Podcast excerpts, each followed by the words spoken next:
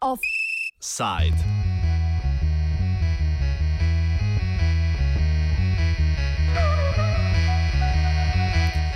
A v Šoštanju imajo turizem?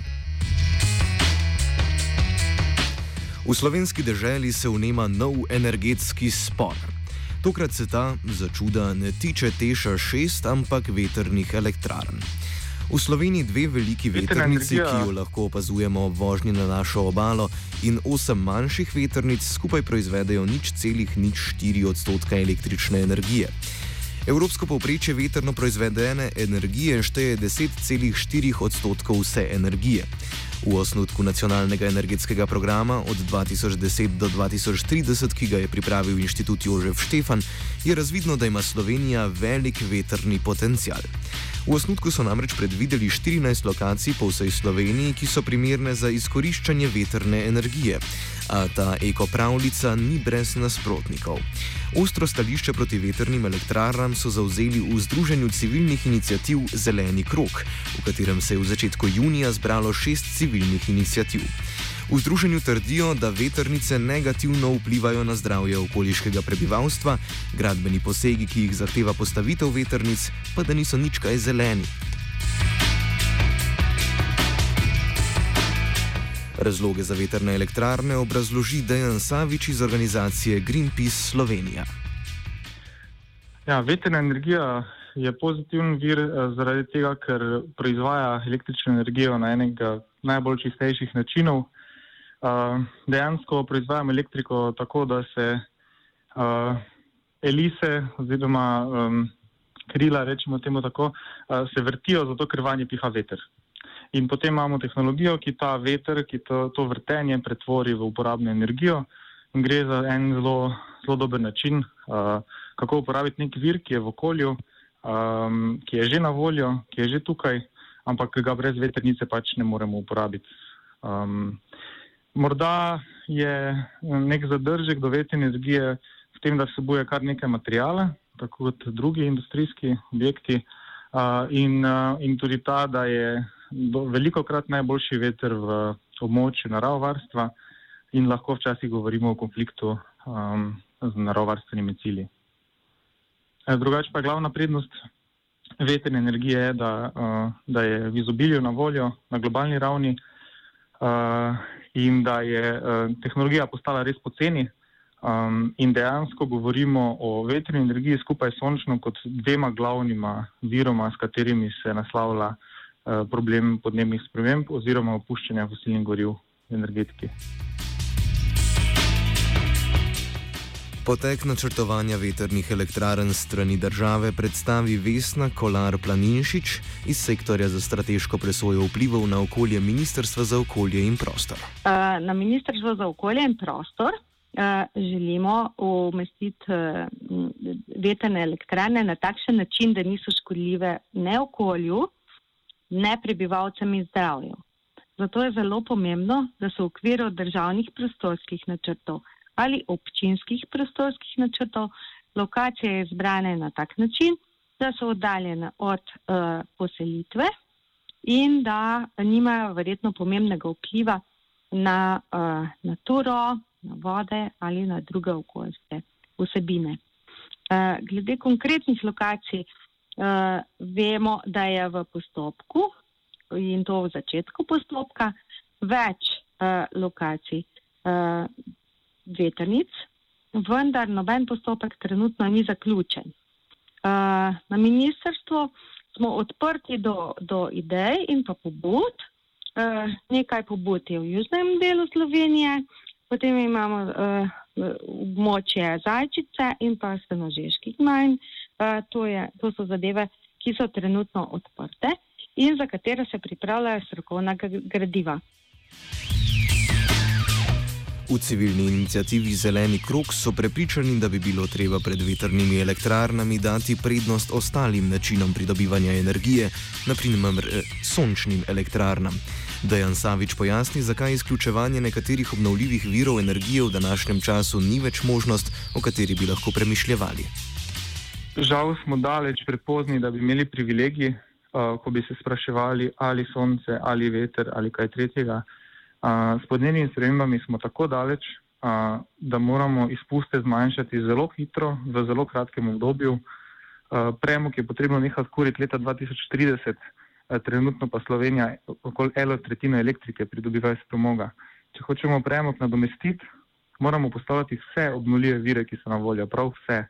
A, torej veternice, sončne elektrarne, hidroelektrarne, tam, kjer je to mož, mogoče narediti, izkoristiti treba geotermalno energijo, a, odpadni les, a, bioplin na okolju prijazen način. A, in ko vse to sestavimo skupaj, a, nam lahko uspe. Če pa katerikoli vir odstranimo um, iz koalicije, če temu tako rečem, uh, svoje možnosti zmanjšamo. Tako da ogromno sončnih elektrarn moramo postaviti in ogromno veternic in vse to je treba delati zelo hitro in čim prej, da nam bo uspelo. Ne samo v, Evropi, ne samo v Sloveniji, tudi Evropa in širši svet, vsi imamo iste izzive. Um, ja, in, in žal nimamo tega privilegija, da bi, da bi rekli, ah, vse bomo soncem.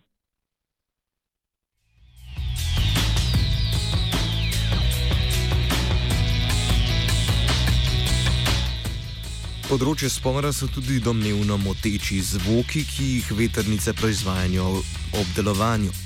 Diego Loredan iz civilne inicijative za zaščito senožeških brd, ki je del Združenja Zeleni krok, meni, da ima zvok, ki ga oddajajo veternice, negativen vpliv na zdravje. Študij, ki bi trdno dokazovali negativne zdravstvene posledice nizkofrekvenčnega zvoka, ki ga oddajajo veternice, sicer ni. Nasprotniki te teorije pa opozarjajo, da je zvok, ki ga oddajajo veternice, podoben zvoku, ki ga oddaja marsikatera mehanizacija in tipično predvsej tišji od hrupa, ki ga vsakodnevno doživljajo prebivalci mest. V veternicah imamo dve vrsti vplivov uh, pri hrupu uh, hrup in pa, in pa seveda ta zvok, ki ga omenjate. Uh, to je uh, zadeva, ki je uh, vse posod.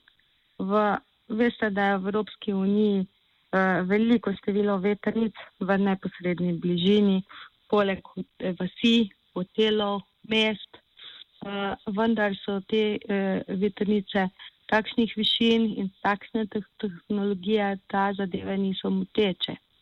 V uh, tem uh, smislu je treba doseči primerne odmike od poselitve, zato da vplivo ne bo.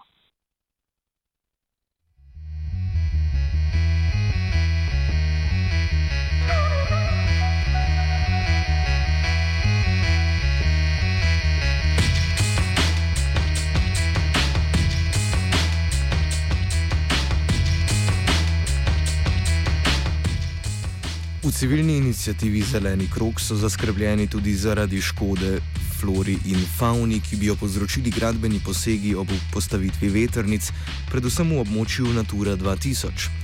Dejan Savič pojasni, da s pravilnim umeščanjem veternih elektrarn leti ne bodo prizadele ne narave, ne človeka.